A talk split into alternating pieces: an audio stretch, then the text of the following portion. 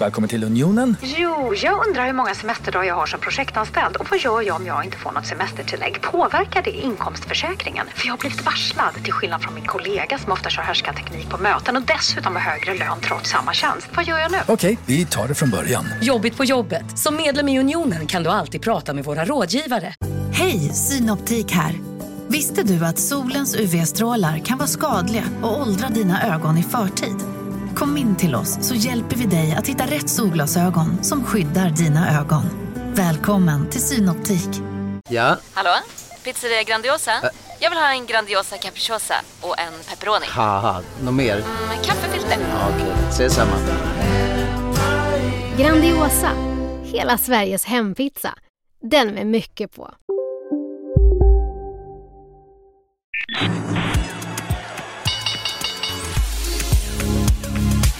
Det här är Affärsvärlden Magasin med Helene Rådstein. Jaha, nu är jag här i Lessebo. Jag ska vidare till Costa Art Hotel. Ehm, det är inte så långt eller? 15 kilometer. Okej. Du, jag ska träffa Torsten Jansson. Har du något att säga om honom? Jag har bara bra saker att säga om Torsten. En jättegod kille. Eh, som vilken människa som helst, men miljardär. Du bor här i området eller? Ja, det gör jag. Vad heter du? Kent heter jag. Hur vet du att han är bra och så? Han har ju skapat eh, någonting jättefint i Kosta. Utan honom så tror jag Kosta hade gått i konkurs. Glasbruket var ju inför en konkurs eh, precis strax innan Torsten blev inblandad. Så han har gjort väldigt mycket för Kosta. Och just nu så planerar han bygga en sporthall i Kosta och det kommer vara ett jättelyft för hela samhället. Han bor här också eller? Ja, han har ju ett hus i Kosta i alla fall. Du sa han är miljardär. Har du någon koll på hur det ligger till? Nej, men New Wave, hans företag, omsatte de 7,5-8 miljarder och 2600 anställda. Så det för väl ganska mycket respekt med sig i ett sånt litet samhälle som eh, Lessebo och Kosta. Men är han liksom betraktad lite som så här frälsare för orten nästan? I dina ögon? Ja, faktiskt så är det så. Jag har sett orter uppe i Norrland eh, nästan gå under. Eh, avbefolkning. De stänger Ica och Konsum, de stänger allt. Men eh, i Kosta är det tvärtom. Där blomstrar det och han bara satsar och satsar och satsar. Så det är underbart att se att någon vågar satsa i de här tiderna.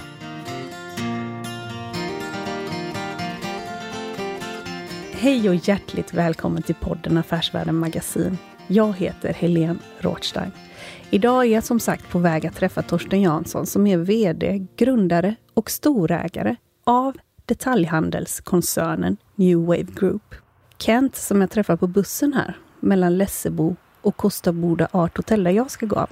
Han har ganska bra koll på siffrorna. För om det här året fortsätter som det börjat så kommer man dra in ungefär 8 miljarder kronor i hela koncernen. Och den här koncernen den är indelad i tre delar. I den största och äldsta delen, företag, där gör man bland annat profilkläder och det betyder kläder och eh, prylar med företagsloggor. Och de här kläderna de är liksom särskilt anpassade för då företagsloggor och eh, också olika sorters arbetskläder. I det näst största och näst äldsta segmentet, sport. Där finns en rad varumärken, men det som man har pratat om mest just nu, i alla fall i svensk press, det är Craft. För de som letar nu och tänker vad är Craft för någonting, så kan ni tänka på underställ som man har haft när man åker skidor. Men nu håller man på då att utveckla det här ännu mer. Det tredje största segmentet, det är gåvor och heminredning. I det här segmentet så finns också svenskt konstglas. Här finns varumärken som Kosta Boda, Orrefors och det finns också Kosta Boda Art Hotel som vi ska till nu. Och det är också där som vi ska träffa Torsten Jansson som vi ska gå runt med i Kosta denna dag. Det är väldigt ljust här inne. Ja, det är det. Det är som en ljusgård. Det är ljusgård. Ja. Nu är vi i loungen på Kosta Boda Art Hotel. Kan du berätta lite vad man ser här runt omkring? Ja, det är allt som nästan går att göra i glas har vi gjort i glas. Det blir ännu tydligare när vi kommer till glasbaren sen. Men vi ser ju kristallkronan som jag gjorde i Orrefors. Där har du en båt av Bertil Wallin som hänger utställningen. Det är så mycket glas vi, vi får in helt enkelt. Inte stolarna. Nej, men i baren är de av glas. Du ville till Orrefors egentligen från början. Ja, hotellet eh, var tanken att etablera i Orrefors och då hade ju kan du säga per automatik resten också hamnat där. Det var miljön i Orrefors runt den sjön och så tyckte jag egentligen var mycket vackrare än här. Men vad hände? Nej, det blev inget. Vi fick inget stort gehör hos politiker och andra. Utan det var lättare i den här kommunen helt enkelt. För det är ju ganska viktigt att man jobbar ihop med kommunen när man ska etablera sig som du har gjort där. Men jag hörde också att eh, kommunen, de fick ju också rättsliga repressalier för att de hade gynnat en enskild näringsidkare ju Ja. i rätten. Ja, det var hotellet som man överklagade på då. Och det beror ju på att eh, vi hävdar ju fortfarande att det är fel. För att vi byggde ju hotell och alla butiker i samma veva egentligen. Och eh, de andra butikerna, fastigheterna hade ju till exempel på den tiden JC som hyresgäst och Retail Brands och flera andra börsnoterade bolag. Eh, Och så är det ju än idag, det är en 6, 7, 8 butiker vi inte äger. Men då tänkte man att den här fastigheten var varenda hyresgäst och det fällde man då. Men ni överklagade inte? Nej, och det var ju inte vi som befällde heller, det var ju kommunen. Så att, så när jag åkte hit så var det en eh, som heter Kent som sa, eh, han lovprisar dig hur Ja. mycket som helst, för hur mycket du har gjort för kommunen och sådär. Vad har du gjort sedan du kom hit då? Nej men vi har ju, ja, vad har vi gjort? Vi har väl ökat antalet anställda upp med ett par hundra personer. Vi är ju näst största arbetsgivare efter kommunen själva i kommunen idag. Vi har skapat en safaripark med massa vilda djur som har blivit en stor turistattraktion förutom det här hotellet då. Sen har vi köpt någonting som heter Kosta Lodge som är stugboende, eller stugby. Och även ställplatser och sånt. Och sen är det ju butiker och allt det som har startats då. Det ryktas om att du ska köpa några fotbollsplaner. Nej, det är fotbollsspel. Men jag ska, jag ska faktiskt bygga en idrottshall. Eller en ganska stor anläggning med fullskalig idrottshall och eh, 2300 läktarplatser. Och sen en pingishall med stående 20 bord alltid med 700 läktarplatser. Fyra paddelbanor, ett gym på 400 kvadratmeter. Fyra bowlingbanor och eh, vad är det, 200 kvadratmeter eh, kampsportsyta. Varför ska du göra det? Dels eh, tycker jag, jag tror det blir en attraktion till det här. Och sen fanns det ingenting för ungdomar att göra här. Så jag har ju varit med då privat och sponsrat pingisklubben och tagit upp något. Så nu är damerna i näst högsta serien och herrarna på väg upp. Och det, det är inte det roligaste. Det roligaste är att vi har 25 ungar i träning hela tiden. Och sen startar vi även en kampsportsklubb då. Där de har thaiboxning. Och där är också en 25 ungdomar idag som tränar. Du har själv eh, mött han Gio. Eh, bara en gång och i dubbel faktiskt. Han och hans bror mötte jag en kille till i dubbel i, ja vad är det, 50 år sedan? Nej det kan det stå. Och, och, och, nu- och, nu- säger jag Gio och han heter efternamn. Waldner. Men vi fick stryk, ska jag lägga till. Men eh, en gång eh, för inte så länge sedan så var det ju en, eh, heter han Peter Eilers? Ja, Ja, som utmanade dig. han utmanade vilken börsvd som helst i vilken sport som helst. Men det var en sport bara. Och då var jag lite korkad när Stefan på Dagens Industri ringde mig och ville att jag skulle vara med i det här. För då ville han att jag skulle utmana honom i pingis. Och jag sa att det är ju som att skära godis och ungar, så det går inte. Så jag ställde inte upp. Och så ringde Stefan efter ett par veckor igen och sa att du, du måste göra det för jag har fått ihop tillräckligt många. Ja, då får vi hitta på något annat, sa han. Ja, vadå, sa jag. Ja, men då tar vi tre sporter. Och då blev det bänkpress, pingis och tennis. Och sen när jag kom hem och berättade det för min fru så har du kollat vem det är? Nej, så det har jag inte gjort. Och så började jag googla på honom. Då tävlingsspelade han ju i tennis. Och eh, hade lågt handikapp i golf och hade gjort triathlon och jag vet inte allt. Så jag fick lägga mig i hårdträning kan man säga. Vad hände då? Nej, jag tränar 15 timmar i veckan ungefär i ett år. Och sen kom ju den här tävlingen då. Pingis vann jag ju enkelt. Men sen fick jag ju stryk i tennis då. Och sen hade jag skadat axeln så jag fick gå ur på bänkpressen på 90 tror jag det var. 2-1 till honom. 2-1 till honom ja. Var det i samma veva då du kom med en bok från Ja. fet till atlet? Stämmer. Nu kommer en uppföljare. Från fet till atlet till fet igen. Du lyssnar på Affärsvärlden Magasin med Helene Rådstein. Ni gick ut med en vinstvarning. Ja. En omvänd vinstvarning. Ja, stämmer. Och ni gick ut 12 april och sa att vi kommer, eh, omsättningen kommer att eh, öka och eh, rörelsemarginalen lika så. Och då klättrar ju aktiekursen upp rejält. Jag tror det var 14 procent och sen 6 procent nästa dag. Och sen kom ni med en rapport. Och eh, då backar ni på den. Lite eh, märklig reaktion kan man ju tycka. Men, men eh, jag tror de skrämdes lite grann av att jag i vd-ordet skrev, vilket var helt korrekt och jag kände mig eh, tvingad att göra det. För annars fick man utlämna information. Men jag skrev ju där lite grann om att det var problem med varuförsörjningen från en del länder och längre ledtider och sånt där. Och jag tror många på marknaden blir mycket räddare än, för det än, vad- än vad som var avsikten från min sida. För att eh, det har ju inte blivit värre än vad det var innan. Och man har ju sett vad vi har gjort de, senaste kvartalen då. Så att jag tror att det är orsak. För annars var ju rapporten eh, jag tycker det är en av de absolut bästa vi har släppt sedan vi börsnoterades 97. När ni börsnoterades 97, då, eh, du chockade ju lite analytikerkåren och sa att vi kommer omsätta Eh, ni omsatte 350 miljoner då. Du sa att vi kommer omsätta en miljard eh, ganska snart och sådär. Och då blir de lite chockade. Vad, efter att ha varit på börsen 25 år, vad, om du ska utvärdera den tillvaron, vad säger du? Ganska irrationell skulle jag vilja kalla det. Och det är när du pratar rapporter till exempel. Det har ju hänt ett antal gånger på de här 25 åren att vi släpper en rapport som jag inte är nöjd med. Och så blir det bara positiva reaktioner. Och eh, så nästa gång så kommer man som nu sist då. När, när det är den rapporten jag tycker är starkast av alla som är börsnoterade. Så, så blir det negativt den dagen. Det är ju svårt att förstå det. Sen tycker jag det har blivit eh, Eh, finanskrisen tyckte jag förstörde en hel del på det sättet att många banker drog ju ner, väldigt mycket analytiker försvann ju. Eh, och det är synd för att förut när det var vi hade väl som mest nio olika tror jag som analyserade i Wave. Då blev det aldrig de här stora slagen så du var tvungen till att omvända vinstvarningar. för då, då låg, men liksom, vi var nere i tre en period. Och då räcker det att en gör helt fel av de tre så blir liksom totalen, eller konsensus då, det blir ju galet. Ni har ju tre verksamhetsområden.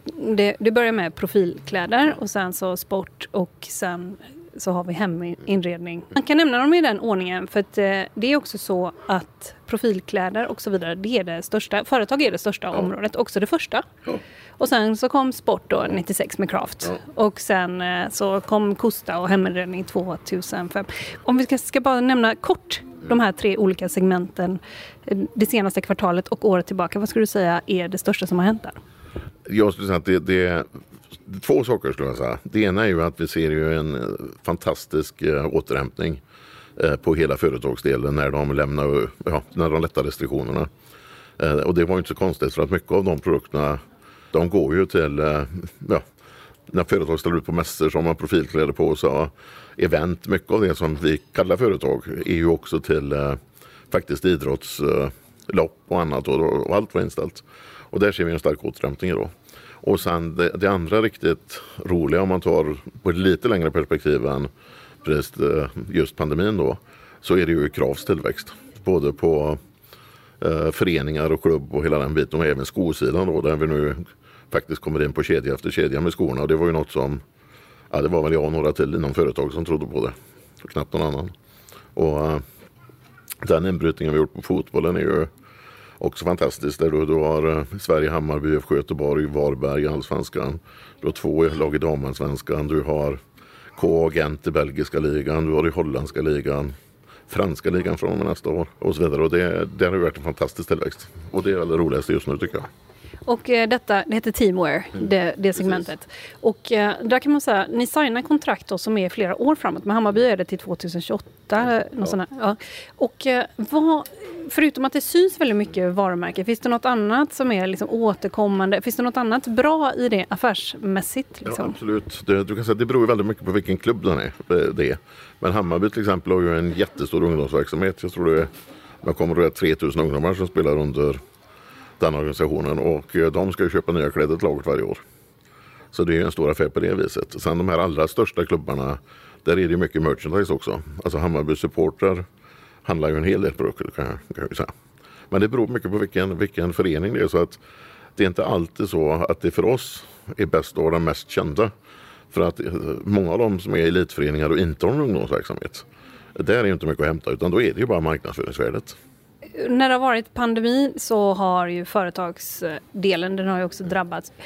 Om vi ska förklara vad det är så är det ju kläder som man kan göra reklam på. Man kan trycka på dem och man kan använda dem i arbetet, eller hur? Ja, och även presentreklam, pennor med tryck och giveaways och allting eh, sånt där. Och Jag skulle gissa att går du in på en svensk mässa så av de montrarna som är klädda i profilkläder, alla, alla är ju inte det, men av de som är det, så skulle jag gissa att det är produkter från oss i 70 procent av fallen. Så det är klart det är ett jätteavbräck när det inte var några, sen tänker man, tänker man inte kanske på men om du tar stora konserter till exempel. Nu levererar inte vi dem men jag undrar hur många Bruce Springsteen t-shirts det såldes på Ullevi när den föddes. Så allt det här med är ju väldigt eventdrivet och det låg ju helt nere. Vi kan ta USA där vi genom två av våra varumärken, då, Ahead och Katrinback. Någon av de två varumärkena har ju Ryder Cup eller alla discipliner, US Open och så vidare. Och så vidare. Och när det spelas utan publik eller ligger helt ner, det, det är ju ett ordentligt avbräck. Och det kan man också säga, största amerikanska kunden var ju innan pandemin ett eh, företag eh, som anordnar Obstacle Race, Spartan. Eh, och det var ju i princip en 100 miljoners kund som, som eh, från en dag till en annan inte fick arrangera andra lopp längre. Så hela den marknaden låg nere då. Så jag är ändå förvånad faktiskt att eh, vi klarade det så pass bra som vi ändå gjorde. Och det känns som vi har tagit ganska stora marknadsandelar de här åren. Första kvartalet var rörelsemarginalen 11 någonting procent. Och det var en av de bättre, men förra året, hela förra året var det ännu högre. 15. Ja, men det ska man komma ihåg att första kvartalet är alltid, eh, och har varit alla år som det noterades, det säsongsmässigt absolut svagaste.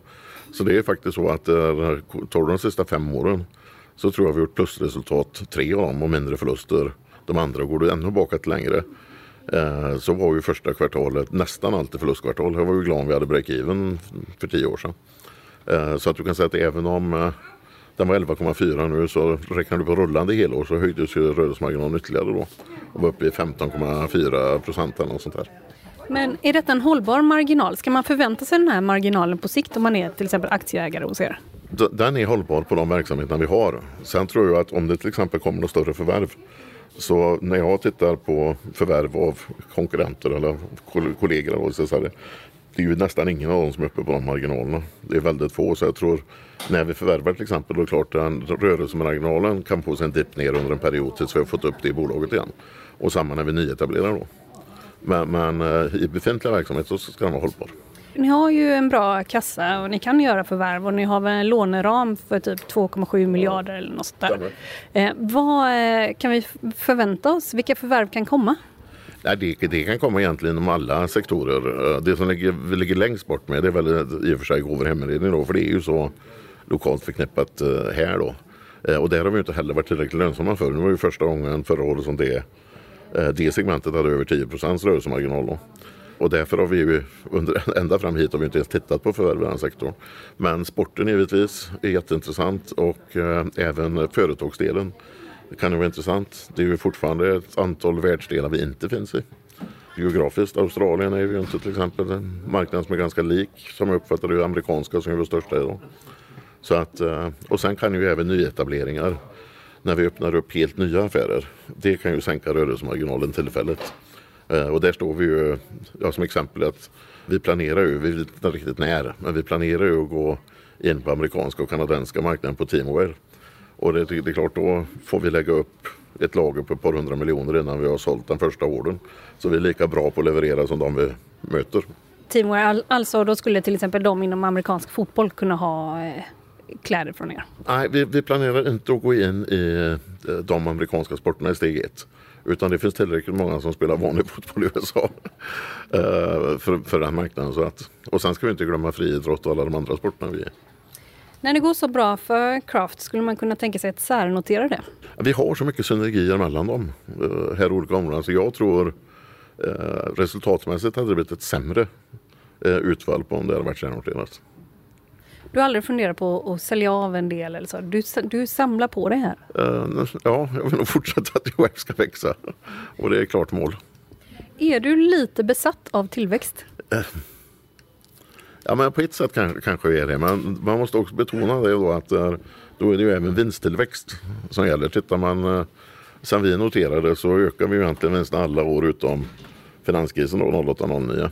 Och så hade vi någon pytteliten dipp. Det var 2012 också när vi la ner dem till Åfors och Orrefors glasbruk. Men annars är det stigande vinster också. Jag, jag är ingen person som ens investerar själv i bolag som bara pratar tillväxt, tillväxt, tillväxt och menar omsättningen. För jag, jag tycker att om man bara växer omsättningen så tar man ju större och större risker istället. Och när det var så millenniekrisen, ja. de gillar, det gillar du inte heller? Nej, där hade jag inga aktier. Så den gick bra för mig den krisen. Nej, men jag, jag gillar också bolag som jag förstår vad de gör. Ja, det, det, det tycker jag är viktigt och som, som säljer produkter jag tror på. Ert bästa förvärv genom tiderna, som du har sagt var ett bästa förvärv, det var också ett förvärv som orsakade ganska mycket problem rent ekonomiskt för er, eller hur? Det gjorde det, för det, jag har inte tror att du tänker på Katrinback, för det har beskrivit så. Och eh, vi hade ju en katastrofalt dålig tajming i förvärvet. för vi, vi lånefinansierade ju det och gick ju in då i 2008 med en väldigt hög skuld. Enligt andra väldigt hög. Jag var själv faktiskt aldrig orolig. Eh, men eh, då, då, fick vi problem med banker och så. Då. Och sen har ju det blivit det absolut bästa förvärvet någonsin har gjort. Men, men just då var det tungt. Men det var ju skuldbelastningen. Bolaget gick aldrig dåligt egentligen. Men det blev tungt. Ni hade för få banker eh, ungefär vid den här tidpunkten. Och ni hade betalat hela förvärvet med cash, eller hur? Ja. Vad har du lärt dig av det framöver då? Att ha en mycket starkare balansräkning. Och det tror jag återspeglar sig i, i det vi ser idag. Och sen har vi ju till skillnad eh, mot då så har vi ju två olika huvudbanker kan man säga. Och sen har vi de lånen vi har kvar, det är inte så mycket lån kvar faktiskt, men de vi har kvar. Eh, och de kreditlämnarna vi har som inte har använt, de ligger ju på olika löptider. Så i princip så, så hade det kommit ett 09 nu så hade vi i princip inte märkt av det. Annat än i försäljningsnedgångar.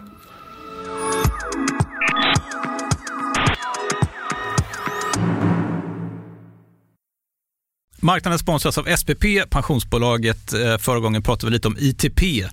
Och som en kort repetition så, så var det ju 70-tal, arbetsmarknadens parter bestämde att alla tjänstemän ska ha en tjänstepension. Man kom överens om vilka villkor som ska gälla i den här pensionen och så kallade man den för ITP. Så jobbar man idag som tjänsteman i ett företag med kollektivavtal, då har man förmodligen den här pensionen, ITP-pensionen. Eh, och det är ju så att man kan påverka eh, den här pensionen, hur den är placerad. Vart femte år så gör nämligen Collectum, som de heter, en enorm upphandling där olika pensionsbolag kan ansöka om att få förvalta eh, de här pensionerna. Och SPP är ett av bolagen som valdes ut i den senaste upphandlingen. Och sen kan du som pensionssparare välja eh, vilket av de här olika pensionsbolagen som, som då ska få ta hand om dina pengar. Och tanken med den här upphandlingen är ju att liksom kvalitetssäkra de här olika alternativen eh, men också att förhandla fram stora rabatter så att pensionsspararna ska få ja, kunna spara pengar genom att avgifterna eh, som är så viktiga eh, blir eh, lägre. Och vill man välja någonting i ITP-systemet då finns det en relativt ny sajt som heter avtalat.se. Ehm, där kan man gå in och se hur sin ITP-pension är placerad. Jag gjorde det häromdagen faktiskt. Ehm, idén är att hälften av pengarna alltid ligger i något som kallas för traditionell försäkring. Det här gjorde vi ett avsnitt om i podden Kapitalet nyligen eh, som vi kallade världens bästa sparform. kan man lyssna på om man är intresserad. Eh, den andra halvan eh, den kan man också lägga i en traditionell försäkring eller så kan man placera det i något som kallas för fondförsäkring. Eh, SPP som sagt eh, var ju ett av de fåtal bolagen som valdes ut i den senaste upphandlingen och de finns med som alternativ både med en traditionell försäkring och med eh, fonder. Så det var en liten bakgrund till ITP-systemet. Vill man läsa mer om det här eller typ kolla hur ITP-pensionen är placerad, eh, kanske göra förändringar, då går man in på avtalat.se men tack säger jag till SPP som vill göra oss människor mer medvetna om hur enormt viktig pensionen är för oss som en framtida lön, men också som en positiv kraft i samhället. Eh, och förstås för att ni möjliggör eh, den här podden Marknaden.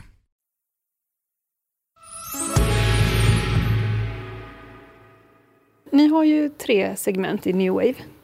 Och eh, det här är ju det sista segmentet ja. som vi är på nu, eller det senast tillkomna som kom till 2005 ju. Gåvor och heminredning. Och eh, då ligger ju Kosta Boda Art Hotel ligger ja. här i. Och, eh... Glasbruket och varumärkena har givetvis både Kosta Boda och Orrefors. Och sen ligger det ett varumärke som heter Saga Form. Och sen ligger det de butikerna vi äger här i samhället också som är relaterade mycket till glasbruket. Ja. Har du mycket glas hemma hos dig också? Jag har jättemycket glas hemma. Men det har blivit sen jag kom hit ner. Kan jag säga. Har du blivit en hoarder? Nej, men, äh, men jag tycker om det. När du kom hit så hörde jag att du var lite rädd för de här formgivarna. Hur gick det där? Inte rädd, men det är ganska färgstarka personligheter. Och, och eh, eh vi hade väl våra konflikter i början. Vi, alltså, vi var ju tvungna att få det här företaget på fötter ekonomiskt. Eh, och då får man göra produkter som verkligen säljer. Även om någon kan tycka att det inte är tillräckligt konstnärligt eller så här. Men idag har jag en jättebra relation med alla. Jag lyssnade på ett radioinslag från 2012 och detta var då i samband med att man skulle lägga ner Åfors, glasbruket där. Och då så var det Ulrika Hydman Wallin, hon lever ju tyvärr inte längre. Hon sa ungefär att ja, Torsten Jansson han är en jättespännande person men han förstår sig inte alls på konst. Det verkade ha varit någon slags kulturkrock när du kom. Det var det väl delvis och du kan säga att eh, hon har ju rätt i det. Jag har aldrig varit konstnärligt intresserad på det sättet. Men, men eftersom det handlar om ett företag som väl hade förlorat pengar 98 av de 100 sista åren så var ju mitt jobb att vända det ekonomiskt. Annars hade ju ingenting funnits kvar. Men det är klart att allting man gjorde var inte populärt på något sätt och framförallt inte när vi la ner eh, Åfors och även Orrefors då. Men, men eh, ja, det fanns inget annat val, annars hade jag åkt alltihop. Var det så du tänkte? Du hade något rationellt där? Vi gör så här, eller så försvinner allting? Det var ju helt enkelt så att de försäljningsvolymerna som vi hade, det fanns ju inte arbete till tre bruk. Plus att man körde grejer fram och tillbaka hela tiden och det var väldigt, väldigt oeffektivt. Och du kan säga att under finanskrisen så tappade vi ju väldigt mycket marknad. Bland annat halverades ju omsättningen i USA. Och sen var Grekland näst största marknad. Eh, efter Sverige och USA, det tredje största, förlåt mig. Och Grekland försvann ju helt och hållet och, en stor och vi fick dessutom en stor kundförlust bland distributörer. Det fanns inte en chans utan ett bruk. Det är vad vi hade säljkapacitet till då. Och det har ju faktiskt varit lönsamt sedan 2013 idag. Och om man ska förstå då när jag pratar om kulturkrock så verkar det ha varit ungefär att vi är konstnärer. Vi jobbar med konst, vi jobbar inte med försäljning. Här kommer krängaren från Dingle ungefär. En sån kulturkrock uppfattar jag det som. Ja, lite grann åt det hållet. Sen, sen tycker jag en del medier så överdrivet det. Eh, jag menar Ulrika Hydman var jag ju jättegod vän med. Eh, och Bertil också. Så att, eh, men i viss mån så var det så ja. Vart ska vi nu? Uh, ja, nu rundar vi väl hotellet och går ner mot outleten. Okay. Bor du nära här? Ja, jag bor, vad är det härifrån? En kilometer, 800 meter kanske eller något. Så det, det är nära. Ja, så det var inte så konstigt om jag tänkte att du hade promenerat hit? Nej, det hade det inte varit. Mm. Jag var på ett annat ställe innan och därför kommer bilen, annars brukar jag det. Hur många bilar har du nu? Uh, sju. Sju? Sju. Hur många Ferraris? Uh, tre. Tre stycken? Tre stycken. En gång så efterlyste du en Ferrari. Ja, det var ju det otroligt korkat av mig. Det, jag, hade ju, ja, jag var helt säker på att de var stulen när jag kom och slå den på morgonen för den var ju borta. Men jag hade ju felparkerat. Så att eh, de hade ju boxerat bort den. Men eh, jag hade ju polisanmäla alltihop så det gick ju 6-7 timmar innan polisen hittade den utanför vad heter det, uppställningsplatsen för Stockholms stads felparkerade bilar. Hade du gått ut på Facebook och sådär och skrivit det är stulen, stulen Ferrari? Ja det hade jag gjort. Och det roligaste av alltihop är att uh, jag fick ju flera tips under dagen. Att när jag syntes på, på väg ner mot Helsingborg och över till Danmark och sen skulle vi till någon öststatsland och så. Så jag fick massor av tips var den var. Uh, men den hade ju aldrig lämnat Stockholm. Men sen hörde jag här att det var en kul eh, bilträff här i helgen. Ja, vi har, nu igen har vi idag. Vi hade ju innan pandemin. Sen låg det ner men nu hade vi i lördags och ungefär 500 utställningsbilar. Så det var helt fullt var med folk då. Det är kul. Du har tre Ferraris och, då, och en Bentley? Och mera. Nej, ingen Bentley. Nej, okej. Du har tre Ferraris? Ja, och så Rolls Royce och Mercedes och Volvo och en Ford.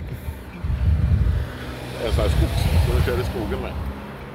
Forden i skogen? Ja. Du samlar alltså, eller va? Nej, men uh, jag tycker det är väldigt roligt. Är det. Och sen uh, jag har ju haft de flesta av de modeller som har varit och du kan säga att jag önskar att jag hade samlat och ställt dem i garaget för varenda en har gått upp i pris som de har haft tidigare.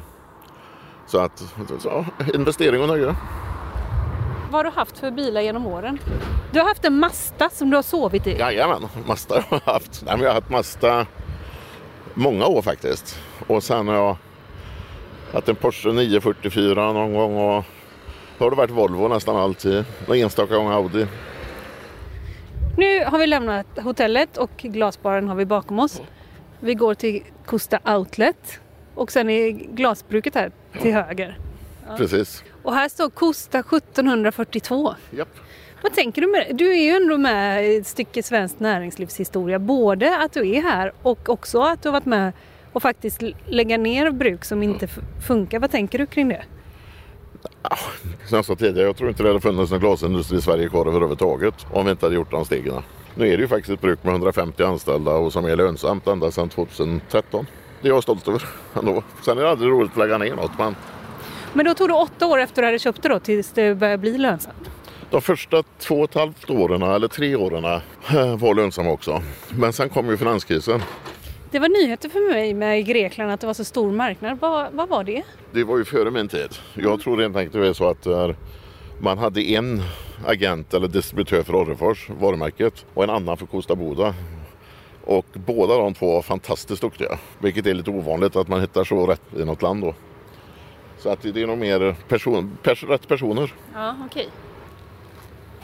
Men att du köpte de här glasbruken från början, var det en slump lite? Ja, det kan du verkligen säga att det var för att eh, jag har jobbat så mycket utanför Sverige. Så jag var väl den enda svensk som inte visste att det var en kris i glasbruksindustrin. Men vi började sälja presenter och gåvor och grejer på kinesiska marknaden. Och i Sverige har vi ju alltid fått produktutvecklat för det ska kosta mindre än 400 till kund eller 380 var det förut. Så det är skattemässigt avdragsgillt då. Och några sådana grejer fanns ju inte i Kina. Så att när vi kom med våra gåvosortiment så tyckte de snarare att det var för billiga grejer och dåliga grejer. Och då blev vi distributör av eh, Arefors och Kosta Boda på kinesiska marknaden för, för, mot företag då. Och sen fick vi en jätteorder av eh, kinesiska Volkswagen kan vi skriva det. På, jag kommer inte ihåg men det var, ja, vi har nog inte fått, fortfarande inte fått någon så stor order på den marknaden. Och då hade vi kollat innan så de kunde leverera och alltihop. Och sen när vi väl fick ordern så fick vi inte en enda produkt. Så att vi tappade ju hela den kunden. De har aldrig återvänt till oss. Och då kom jag hit egentligen för att... Ja, för att läxa upp de här? Ja, för att kräva, kräva kompensation för det då. Men det insåg jag ju snart att det lär vi inte få någon. Och då var det ju helt nedtryckt och ja, det var ju fruktansvärt dålig ekonomi. Och då, ja, då köpte vi ju först faktiskt eh, Först köpte vi 51 procent av de dåvarande danska ägarna, Royal Copenhagen. Och sen eh, då hade de 49. Vi skulle dela finansiering och vi skulle ta managementansvar. Var öppen Men sen var ju pengarna slut redan i augusti och då ville inte de sätta in något mer. Så då fick vi köpa, eller ta över ska jag säga, de sista 49 procenten också. Så att det var aldrig meningen att vi skulle bli ensamägare till det. Du kom hit och var rasande. Och ja, sen? jag var inte alls glad kan jag säga. Det hade varit bättre att de hade varit ärliga så vi hade gett rätt information till kunden så hade det inte varit något problem. Då var det också ett sätt för er att få liksom kontroll på den kedjan också från början? Jag tyckte att det var oerhört märkligt om man inte faktiskt kunde tjäna pengar på två så extremt starka varumärken. Ja, sa tidigare, det har varit lönsamt sedan 2013 och förra året var väl ett av de bästa åren. Eh, så det känns ju kul. Vad beror det på att det var ett av de bästa åren förra året? Jag, jag tror dels faktiskt kanske att det är vi kan ha haft lite hjälp på pandemin indirekt. För, för uh, många människor jobbar ju hemifrån och var hemma och investerar mycket i, i sina hem när man var mycket hemma helt enkelt. Uh, så det är väl en orsak och sen är det ju att vi, vi har blivit effektivare och effektivare för varje år egentligen. Och effektivare i de här sammanhangen, vad betyder det? Ja, att vi eh, omsätter mer per anställd exempelvis. Sen har vi ju haft ett väldigt fantastiskt samarbete med Volvo i många år nu där vi gör deras växelknoppar till några av bilmodellerna. Har också betytt mycket för det är ju en jämn beläggning. Det var stort här du. Ja, inte mycket kunder idag heller. Och nu då, då är det säsong för studenten? Ja, det är ju nästa större högsäsong som kommer kan man säga. Sen eh, så har vi ju en fantastisk handel här på sommaren och en bra på helger. Men eh, ja, tar du en sån här vardag i icke semestertider eller någonting då är det ju lugnt eller dött kan man ju säga. Förutom Volvo, vad finns det för andra storkunder som ni har? Alltså de största kunderna är ju de här olika varuhuskedjorna. Servera, NK, eh, Bloomingdales och om du tar USA och så här. Så det är ju, det är ju detaljhandelskedjor egentligen som är den stora kundgruppen. Kan du vara orolig för det här man pratar om butiksdöden och så när ni, är, när ni har dem som kunder? Både ja och nej, för samtliga de bygger ju egen e-handel. Och egentligen spelar det inte oss någon roll om människor köper det på blomdales.com eller om de köper den i en Blommensbergsbutik. Men sen tror inte jag riktigt på den här butiksdöden heller faktiskt. Utan eh, jag tror kombinationen e-handel kommer alltid vara kvar och e-handel kommer att vara viktig. Men jag tror inte det är, det är bara det som gäller utan jag tror detaljhandeln kommer att återhämta sig. Är det något du tror bara eller kan du hänvisa till någonting? Alltså, så länge priset är drivande för de flesta nätföretagen och dessutom fria returer och alltihop det här. Det finns ingen förutsättning för att det ska gå att göra lönsamt. Och man vet ju att många människor köper till exempel samma plagg i två storlekar och skickar tillbaka det ena varje gång. Och jag, jag tror inte det är hållbart i längden, det kommer inte att gå. Sen finns det andra saker om du tar som är enkelt att köpa på nätet. Som för CD-skivor eller böcker till exempel. Eller som inte är storleksberoende och du vet precis vad du får och så här. Där tror jag näthandeln kan ta ytterligare marknadsandelar. Apotek? Apotek också. På ett klädesplagg, jag tror man vill känna, prova, titta, se färgen ordentligt. Det är ju svårt att återge det på ett foto till exempel, exakt färg. Eh, skor ännu mer.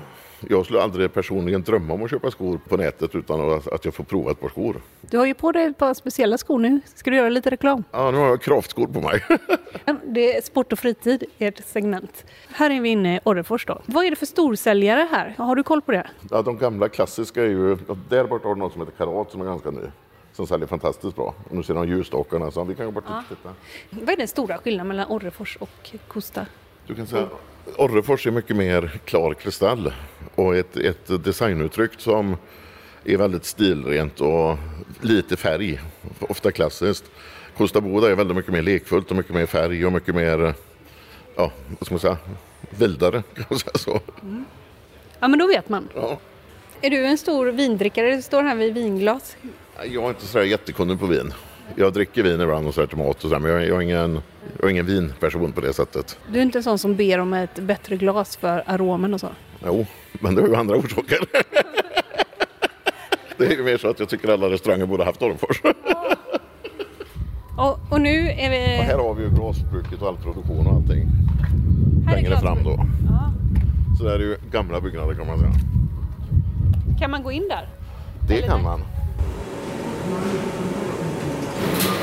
Nu gör de vinglasen Nu gör de vinglas ja.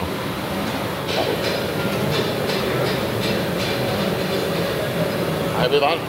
Det är jättevarmt och det låter ganska mycket så man förstår att de har eh, hörlurar. Ja. Det är ganska mycket väsen och sen otroligt varmt alltså. Framförallt sommartid givetvis.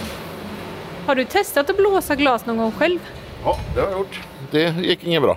Inte? Nej, det, det är fruktansvärt svårt. Ja, om det. Är fruktansvärt svårt. Man för stor respekt för de som faktiskt gör och kan det. Vad är det svåra? Alltså det är helt... Nej, hålla balansen och att inte ramlar. Alltså jag var helt kass. Men äger ni hyttan också då? Ja. Ja. Och den äger vi ju. Det, det, egentligen är det ju de byggnaderna som var där med outleten och hotellet som vi inte äger. Sen äger vi ju alla andra fastigheterna här också.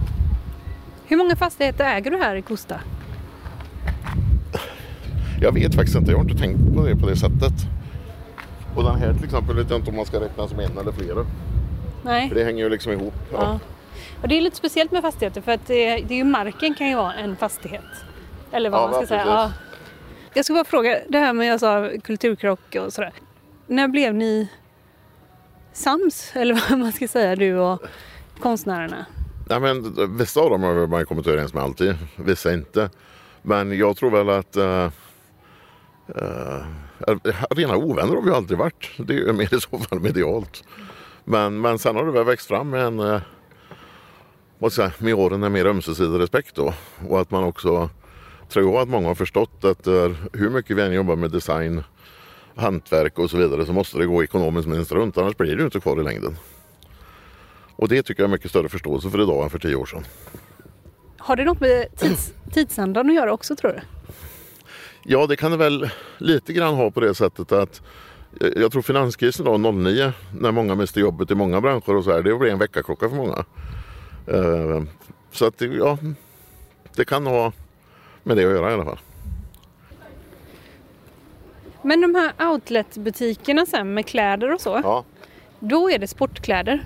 Eller? Ja, det, det är både och. Det är en butik med sportkläder och så är det en med mode då. Och där, eh, de är ju så stora de enheterna så där säljer vi ju eh, många andra varumärken än våra egna också. Våra egna utgör ju en grund i det. Eh, Men där heter det de flesta varumärkena skulle jag säga. Eh, han Kent som jag träffade, Ja, han sa Ullared kan slänga sig i väggen. Lågprisvaruhuset i Kosta. Ja, det står ju här vad han säljer. Hushåll, heminredning, kläder, leksaker, fritid, bilvård, verktyg. Ja, det finns allt. Allt jätte, jättebilligt. Eh, GKs och Ullared, de kan eh, slänga sig i väggen på ren svenska. De har inte en chans vad det gäller eh, priserna.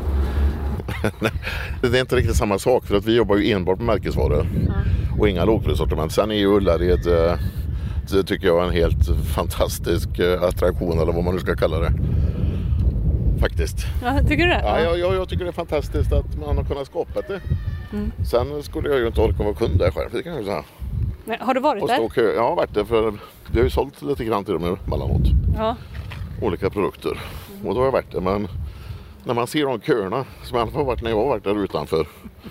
Så jag skulle inte stå och köa ett par timmar för att få lov att komma in i en butik. Men du har ju så mycket pengar också. Jo men du, kan- jag, du kan säga så här. Jag såg när jag var i Stockholm för några veckor sedan. Då var det ju en jättelång kö utanför om det var Gucci. Jag skulle inte ställa mig den kön heller. Och det är ju inte så låga priser det är. Köer är inte din Nej, grej. kö är inte min grej. Hur känner du i köer? Eh, Frustration. Det känns som att man kastar bort tiden. Vad gör du med din tid? Alltså du kan säga väldigt mycket ju jobb naturligtvis. Och tidigare fram till pandemin så gick ju, var det oerhört mycket restid. Jag var ju uppe och reste för 200 dagar per år kan man ju säga och flera omgångar varje år till både Asien och USA då. Nu har det ju inte gått att resa på så länge. Och märkligt nog så så har man ju också upptäckt, eller jag har upptäckt det kanske andra vid stilen, att det fungerar alldeles fantastiskt bra med Teams och de hjälpmedlen. Alltså så mycket som jag reste förr kommer jag inte att resa igen. Du verkar ju också ha rest helt sjukt mycket. Det kan man nog säga. Jag, när vi öppna hotellet där så fick jag en fråga från någon lokal journalist om att du kan väl ingenting om hotell. Alltså det, driva hotell har jag aldrig gjort men jag har bott en 6-7 tusen nätter på hotell och, så jag vet nog hur en gäst vill ha det ganska väl. Men eh, du har också sagt att du tycker inte man ska, alltså att betala sådär 300 kronor i timmen för att sova. Det är inte heller något som eh, Nej du men det får jag erkänna, det var ju mer när jag var yngre. För det, alltså nu är man... Du kan säga att går du tillbaka 25 år så hade man ju energi att vara i USA i tre dagar och sen tillbaka i Sverige en dag och sen vidare till Asien och tidsomställningar. Så man visste till slut inte var man var. Aldrig trött. Nu räcker det att man... Ja, det tar ju en vecka för mig att sova normalt efter jag har varit i Seattle till exempel. Det är nio timmars tidsskillnad. Så jag är väl lite mer bekväm av mig nu än då. Jag sa ju innan en Masta, att du har sovit i en Masta. Ja, nej, men det, var ju, det var ju i början när vi byggde upp New Wave. Och då var det ju så enkelt att eh, vi hade ju inte råd att ligga ute hela tiden på det sättet. Så då åkte jag och eh, jag åkte och sålde på företagskunder. Och så en annan kille från New Wave som sålde på butikerna. Så gjorde vi stad för stad. Jag tog den ena typen av kunder och han den andra. Och då sov vi ju i bilen ett antal nätter. Sen sov vi några på hotell också. Vi var ju borta 14 år. Men ja, det var så då. Och ni kunde sova flera personer i den här Mastan, fyra personer. Nej, som mest har vi sovit tre tror jag det var. Då sov vi på gränsen mellan Schweiz och Italien där en natt. Inte de, de gångerna man sov i bilen, man sov ju inte någon hel natt heller. Men det var ju bättre. att- Då körde vi ju ner till Milano till exempel, där en fabrik låg och jobbade med. Och då sov man ju en, kanske 3, 4, 5 timmar i bilen bara så man fräschade, ja, blev fräschare igen och orkade fortsätta åka.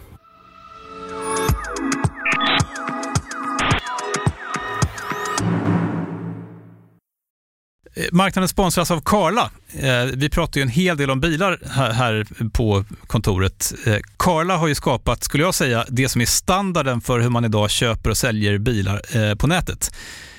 Kort bakgrund bara. Karla säljer och leasar begagnade elbilar och laddhybrider på karla.se.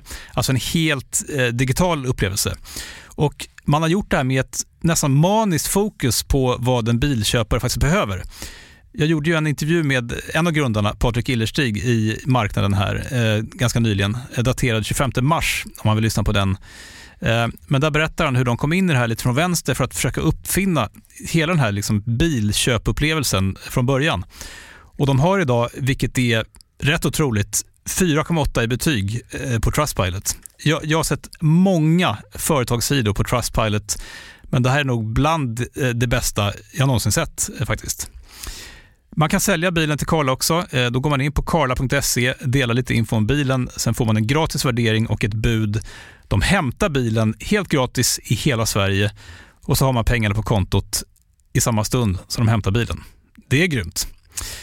Eh, så ska du köpa en ny bil eller sälja din gamla, eller båda delar för den delen, gå in på karla.se och eh, kolla. Alltså karla.se och Karla stavas med C. Tack så mycket till Karla.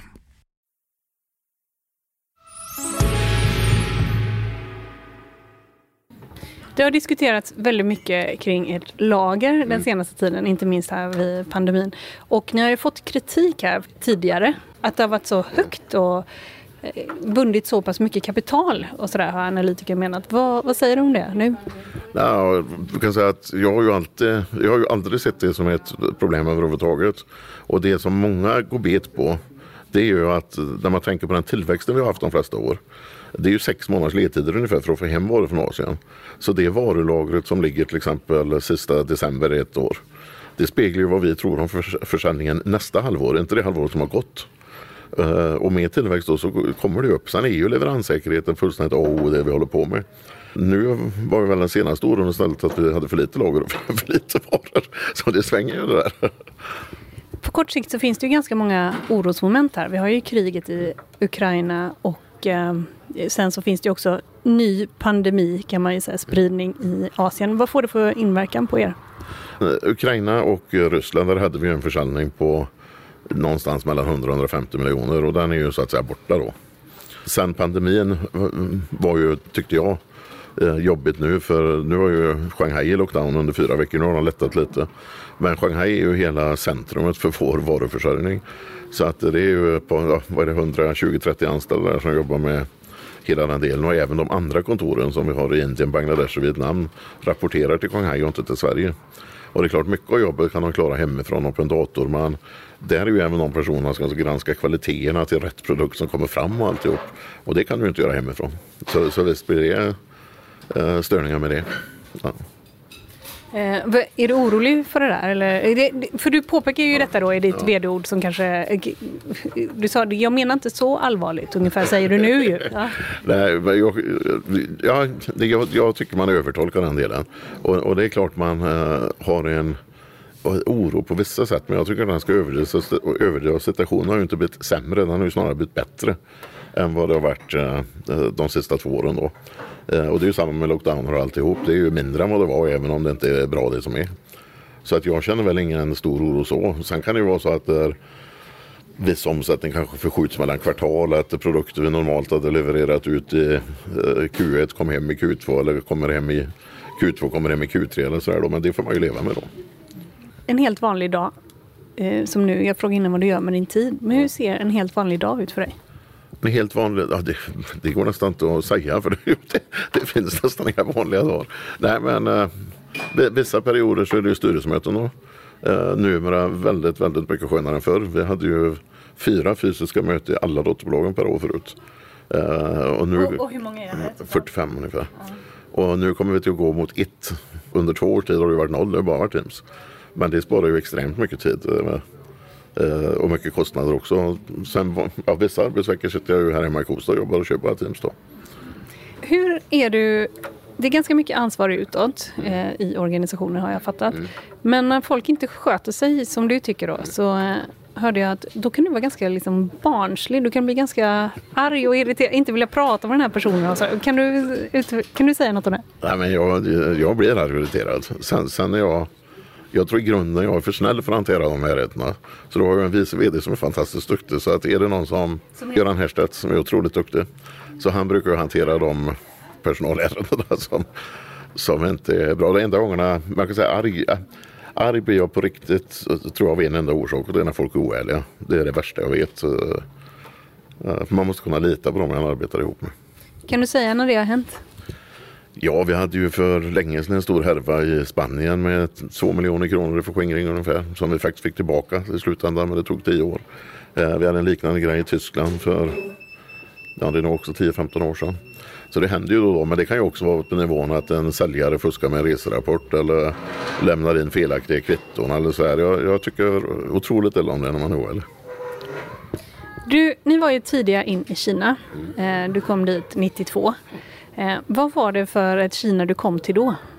Ja, det går ju överhuvudtaget inte att jämföra med idag. Det, alltså, den utvecklingen där har ju varit eh, eh, extrem på alla sätt. Ekonomiskt och eh, hur man lever. Och, jag menar, när vi reste ute på landsbygden i början, det var ju eh, inte roligt. Det var inga semesterresor kan man säga. Men allting har, tycker jag har gått framåt i, i Kina och det ser man ju även på, på våra medarbetare. De vågar ju prata mycket öppnare nu än vad de gjorde då om politik och annat också. Så att eh, sen är det mycket felaktigheter där givetvis. Men jag, men jag tycker utvecklingen har varit väldigt positiv om man tittar från 92 till nu då. Sen kan det ju svänga olika år och så här men. Har du en fortsatt eh, positiv syn på eh, Kina? Alltså du tror fortsatt att det där kommer gå bra? Jag bara tänker, det har ju varit Hongkong, alltså det har ju eh, varit en viss aggressivitet här på senare tid. Nej, men det, det, har ju gått upp och ner under alla de här åren, beroende, mycket beroende på vilken ledare det var. Och den som öppnade upp ordentligt var ju Deng Xiaoping då. Uh, och de som kom direkt efter han. Men jag har en fortsatt stark tro på, på Kina och jag hoppas jag inte har fel i det. Men, men det, det var jag har. Man ska också komma ihåg när man pratar om Eh, hur fort den ekonomiska utvecklingen har gått i Kina. Så pratar vi egentligen om kustbandet. Alltså det finns ju de som till och med säger att det finns snart ingen textilproduktion kvar i Kina för det är för dyrt. Men då glömmer man ju att det är hundratals, hundratals miljoner uppe i de norra delarna som inte alls har den standarden som, som man har i södra Kina eller som, som vi kallar en hygglig standard. Då. Så jag tror utvecklingen kommer att pågå länge till där.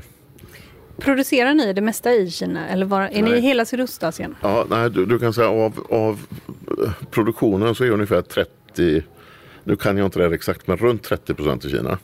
Och sen är det ju Bangladesh, Indien, Vietnam. Eh, sen gör vi en del i Egypten. Vi har gjort en del i Turkiet, eller vi gör en del i Turkiet. Då är glastillverkningen och det som är svenskt. Och vi har även en svensk eh, textilfabrik kvar faktiskt. Som gör mössor och strumpor under ett varumärke som heter Seger. Ligger i Ulricehamn. Och sen har du en del produktion av pennor och den typen av produkter i Tyskland och i Polen. Så det är en mix, men runt 30 procent i Kina. Hur gör du för att hålla koll på att det är bra förhållanden och bra arbetsvillkor och sådär? Och eh, det, har, det kan det ju inte ha varit sedan 92. Nej, nej, nej, det har det absolut inte varit sedan 92. Det, du kan säga att det som har hänt är ju att det har gått framåt otroligt mycket. Uh, och vi jobbar tidigt med det uh, och kunde göra det. För de flesta av våra konkurrenter, om vi går tillbaka till 92-93, de köpte ju via agenter eh, i Hongkong eller svenska agenter. De var inte ens ute på fabrikerna. Och genom att vi var ute på fabrikerna direkt så kunde ju vi få en helt annan kontroll på det. Eh, sen, sen, är det ju så att eh, vi är ju idag med i både BSEI som heter som en neutral organisation som övervakar. Vi är också med i FLA eh, och det är vi tvungna att vara med i båda eftersom USA är en så stor marknad. För det är ett krav att du är med i FLA för att få sälja till College University och så. Då. Så vi har ju vår egen CSR och sen har vi våra egna människor ute på fabrikerna. Och sen har vi ju neutrala organisationer som kontrollerar oss så att säga. Då. Men, funkar det? Vet du att det funkar bra? Jag, jag har alltid sagt det på den frågan att eh, jag skulle aldrig kunna lova att det aldrig är något som inte är bra. Skulle man kunna det så skulle man till exempel i några av de här länderna, ska man komma ihåg några av världens mest korrupta, då i princip skulle vi behöva, för att säga jag garanterar till 100 procent, då skulle vi behöva minst en omutlig person på plats i varje fabrik 24 timmar om dygnet. Då hade man kunnat lova. Men det jag kan lova det är att vi jobbar oerhört mycket mer och gör så absolut gott överhuvudtaget går. Det kan jag lova. Eh, inom sport och inom craft så har det varit mycket så produktutveckling har du pratat om. Mm. Vad är det man har gjort för någonting? Ja, dels hela den här teamwork-delen. Kraft var ju väldigt mycket längdåkning. Sen blev det också cykel, sen blev det också löpning. Eh, och nu kände vi ju, vi vill ju inte förlora positionen i längdåkning så det var ju en jätterolig grej här för två veckor sedan. Då tog vi över eh, samtliga norska skidlandslag utom alpina. Så både nordisk kombination, längdlandslaget som ju står och skidskyttarna i Norge. Eh, men stora klivet var ju när vi gick in just på fotboll och hela handboll och hela de eh, bitarna. Det är ju fyra år sedan nu tror jag. Och det har gått jätte, jättefort. Och då var det ju att nyutveckla samtliga de kollektionerna. Och sen tog vi ju ett ganska intressant, ganska rent, rent produktmässigt så är det ju faktiskt svårare att göra en bra cykelbyxa för någon som ska cykla Tour de France än en bra fotbollströja. Så att produktmässigt på det var det inte, men vi, vi gick ju igenom marknaden jättenoga och upptäckte ju bland annat en sak som jag fortfarande är förvånad över. Och det var att nästan inga av de här varumärkena hade kläder i fotboll, handboll och så vidare för både dam och herr. Utan från de flesta varumärken så var, var damerna hänvisade till att spela i mindre herrstorlekar. Och, och det, det fattar inte vi någonting av. Menar, vi hade ju aldrig drömt om att ställa Gunde Svan eh, samma dräkt som Charlotte Kalla. Eh, och det här har också vi fått en fantastisk avkastning på. För vi var ju först ut och gjorde allt som görs här görs idag. Eh, och det gör ju till exempel att idrottsföreningar som har båda sektionerna, både damsektion och herrsektion, de styrelserna får ju svårt att välja något annat. Eh, faktiskt. Men apropå eh, män och kvinnor. Du har inte haft så många kvinnliga chefer. Du hamnar ofta på den här Allbrights-listan över Alltid. få... Alltid är du återkommande där. Ja, eh, för, för, Nej, men Allbright är en stiftelse som liksom kartlägger män och kvinnor i näringslivet. Och då är du på liksom röda listan, eller ni, år efter år efter år. Hur, hur kommer det sig? en sak, ledningsgruppen ska vi komma ihåg. Det är det. Eh, nej men jag, jag tycker det där är ju lite grann jag vet inte riktigt vad jag ska svara på det för. Du kan säga, dels har vi ju många kvinnliga chefer. Vårt näst största amerikanska bolag är en, eh, har en kvinna som vd. Eh, den näst högsta inom finans som är placerad i Kina, hon är kvinna. Du, har två kvinnor i styrelsen. Men där åker jag väl dit igen för där vill de ju utöka med en medlem och då följer vi under.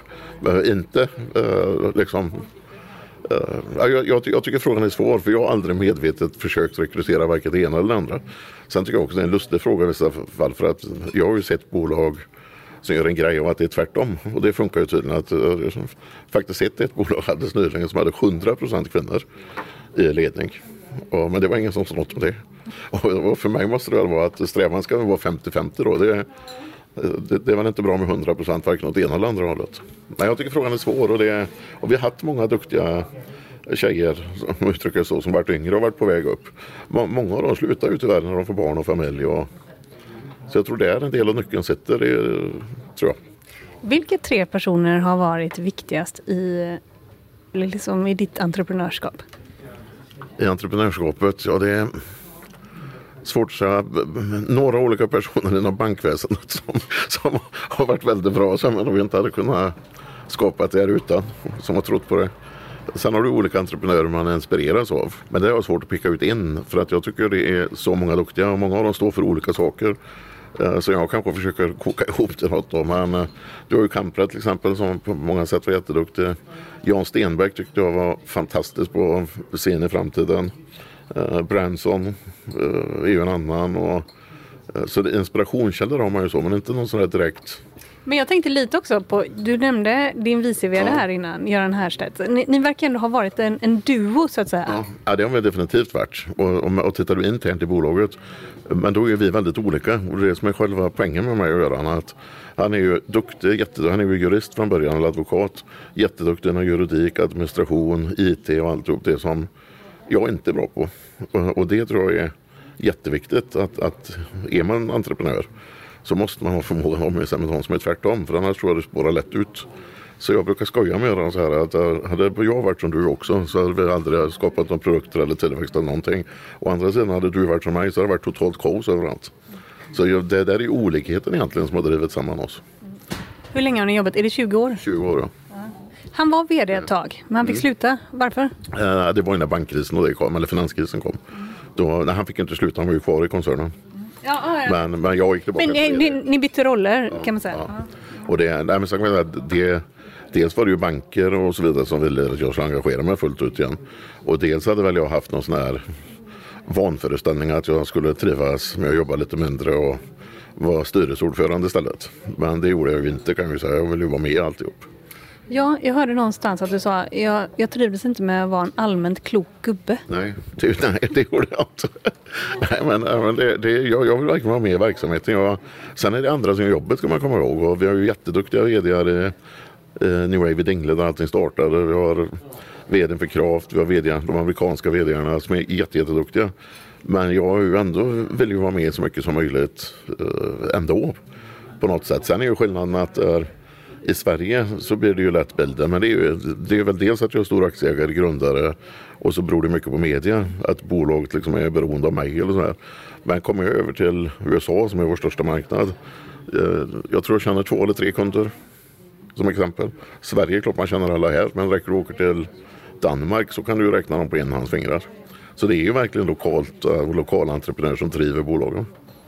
Ja, om du fortsätter som du har gjort nu då, eh, så kommer ni vara över 7 miljarder här. Eh, Ja, närmare åtta då skulle jag nog gissa om det fortsätter. Ja, nä- närmare åtta. Eh, vad, liksom, jag som ändå tror att du... Eh, jag hör att du säger att det ska också vara vinsttillväxt, inte bara omsättningstillväxt och sådär.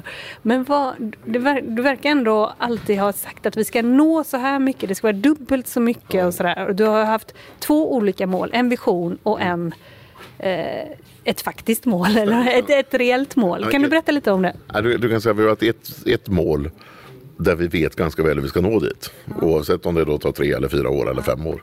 Eh, men så har vi alltid haft en vision som är dubbelt så mycket som målet är.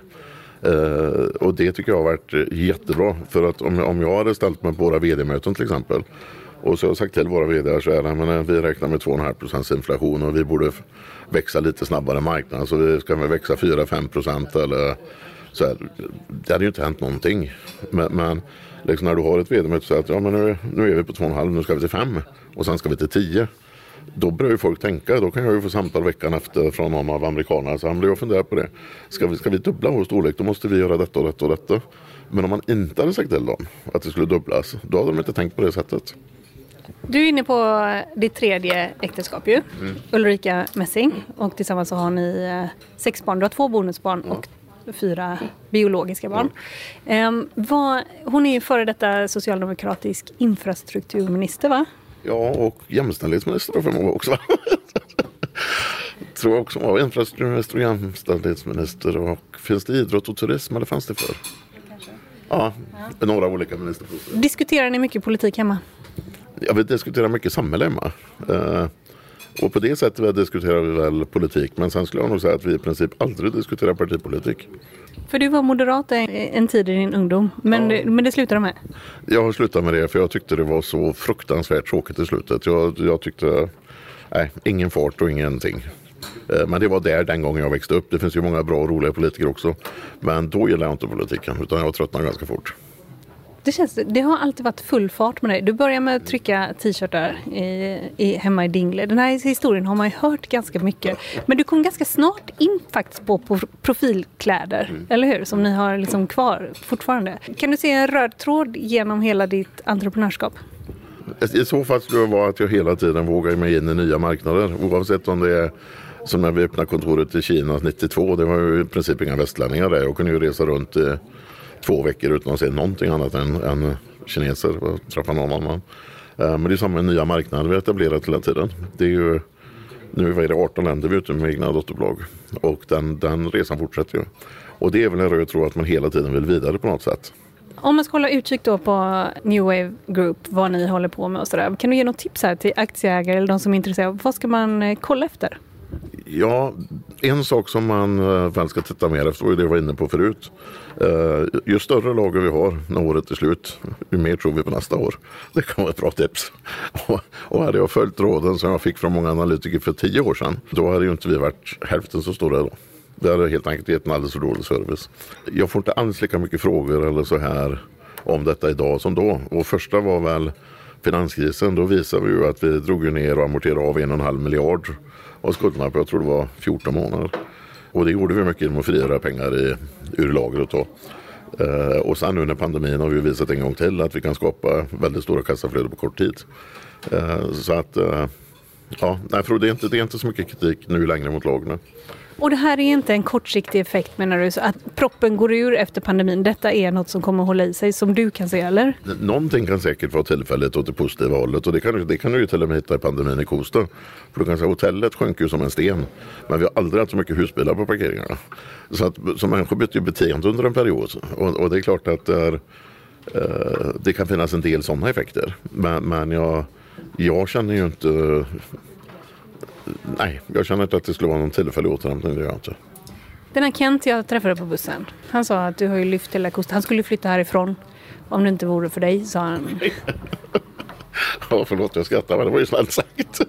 Vad tänker du kring det? Du äger jättemycket fastigheter. Ja. Du pratar om eh, arena och sådär. Vad tänker du kring det? Ja, det, det första är ju, som jag tycker är viktigt är att jag inte blandar ihop mina egna intressen med bolagets intresse. För det får man ha respekt för att vad är det, 15 000 aktieägare eller något. Så om du tar arenor och sådana grejer, det är ju jag privat. Om ett privata bolag som både betalar och sponsrar och så vidare. Men, men sen, sen kan man säga att eh, ju fler ju fler anställda vi kan ha här, ju bättre det kan gå. Ju mer kan man ju skapa. Sen är det ju en destination så allting hänger ju ihop. Jag menar, glasbruket i sig hade ju till exempel gått mycket sämre om du inte hade sett de glasbutikerna och den turismen hade varit där som vi är. Så på det viset hänger det ihop. Men jag går inte runt och tänker liksom För New Wave har ju aldrig tänkt så här att det här ska jag göra för Kostas skull. Sen kan jag göra det privat då med, med för Kostas ungdomar, att de får vettiga sysselsättningar och sådär. Sen har vi ju en stor, väldigt stor verksamhet i porten där jag är född också. I Dingle i Bohuslän. Ja, det, vi har ju vår absolut största lager där. Med 150 anställda och flera olika varumärken och så vidare. Det är den största fastigheten i hela Dingle. Ja, det är det definitivt. Hur, hur tänker du kring det då? Nej, men jag tycker det är roligt och sen, sen har det ju varit bra för oss också för du kan säga att vi har kunnat behålla all kompetens och vi har haft väldigt få som har slutat och det är ju mycket ur det som hela företagsdelen faktiskt har kommit att utvecklas. När du gör någonting så gör du det mycket. Du snusar mycket. Och liksom, eh, om, ifall det är en förrätt som är god så kan du äta två förrätter och så. Finns det, är det rätt eller? Ja, det är väl, uh, ja, två förrätter är inte ofta jag äter i och för sig. Men jag har, jag har väldigt svårt att göra saker lagom. Uh, och det kan ju ta sig uttryck, liksom, antingen tränar jag oerhört mycket eller så tränar jag inte alls. Det är binärt på något sätt. Det är på eller av. Det är på eller av väldigt mycket, så är det. Men sen, sen New Waves knapp har jag ju aldrig slått av då. det ska man komma ihåg. Så det är, inte, det är inte alltid så, men, men uh, mycket är det. Um, jo, jag tänkte på det. Um, du, var, du försökte förekomma den frågan lite. Vad som händer när du slutar så sa du ungefär att ja, men de i USA, ingen har någon aning vem jag är. Det är här i Sverige tror man att det är jag som bestämmer. Men allvarligt talat, du är ju jättemycket new wave group. På, riktigt är det ju så. Jo. Va, vad händer utan dig? Nej, jag, jag tror det kommer att gå jättebra. men, men det, det måste du ju säga, ja, men, du, ändå. Ja, men tänk, tänk, nej men jag inte måste säga det. Mm. Om du tänker så här att uh, New Wave, Sverige är för New Wave idag strax under 30 procent av försäljningen. Och det är mycket, men det är 70 procent i andra länder. Och produktionen är i Sverige då, det är glas och mössor, strumpor. Så att produktionen i Sverige är ja, 2 eller någonting kanske av den totala tillverkningen. Så att det mesta ligger ju faktiskt utanför Sverige. Och det, det gör ju också att eh, vi är ju helt beroende av att ha riktigt bra folk i Kina och i, runt om i de här olika länderna. Och det har vi. Sen klart att det blir... Jag förstår att man kan tänka så i Sverige. Eftersom det är alltid jag som syns i media och jag som är ute och är huvudägare och så vidare. Men jag känner faktiskt inte minsta oro för det. Jag har ett par, eh, jag har ett par personer internt idag som jag skulle våga lämna över till imorgon om det var så. Skulle de brinna lika mycket för Kosta? Det, det, det kanske de inte skulle eftersom som ingen faktiskt bor eller är härifrån. Men sen får man komma ihåg det att äh, jag måste också vara affärsmässig i Kosta. Och, och, det är vi ju på. Och de grejerna som jag anser inte är affärsmässiga, de drar ju inte in utan de kör ju privat. Tack så mycket för att jag fick komma hit och för att du tog dig tid. Tack själv. Tack så mycket.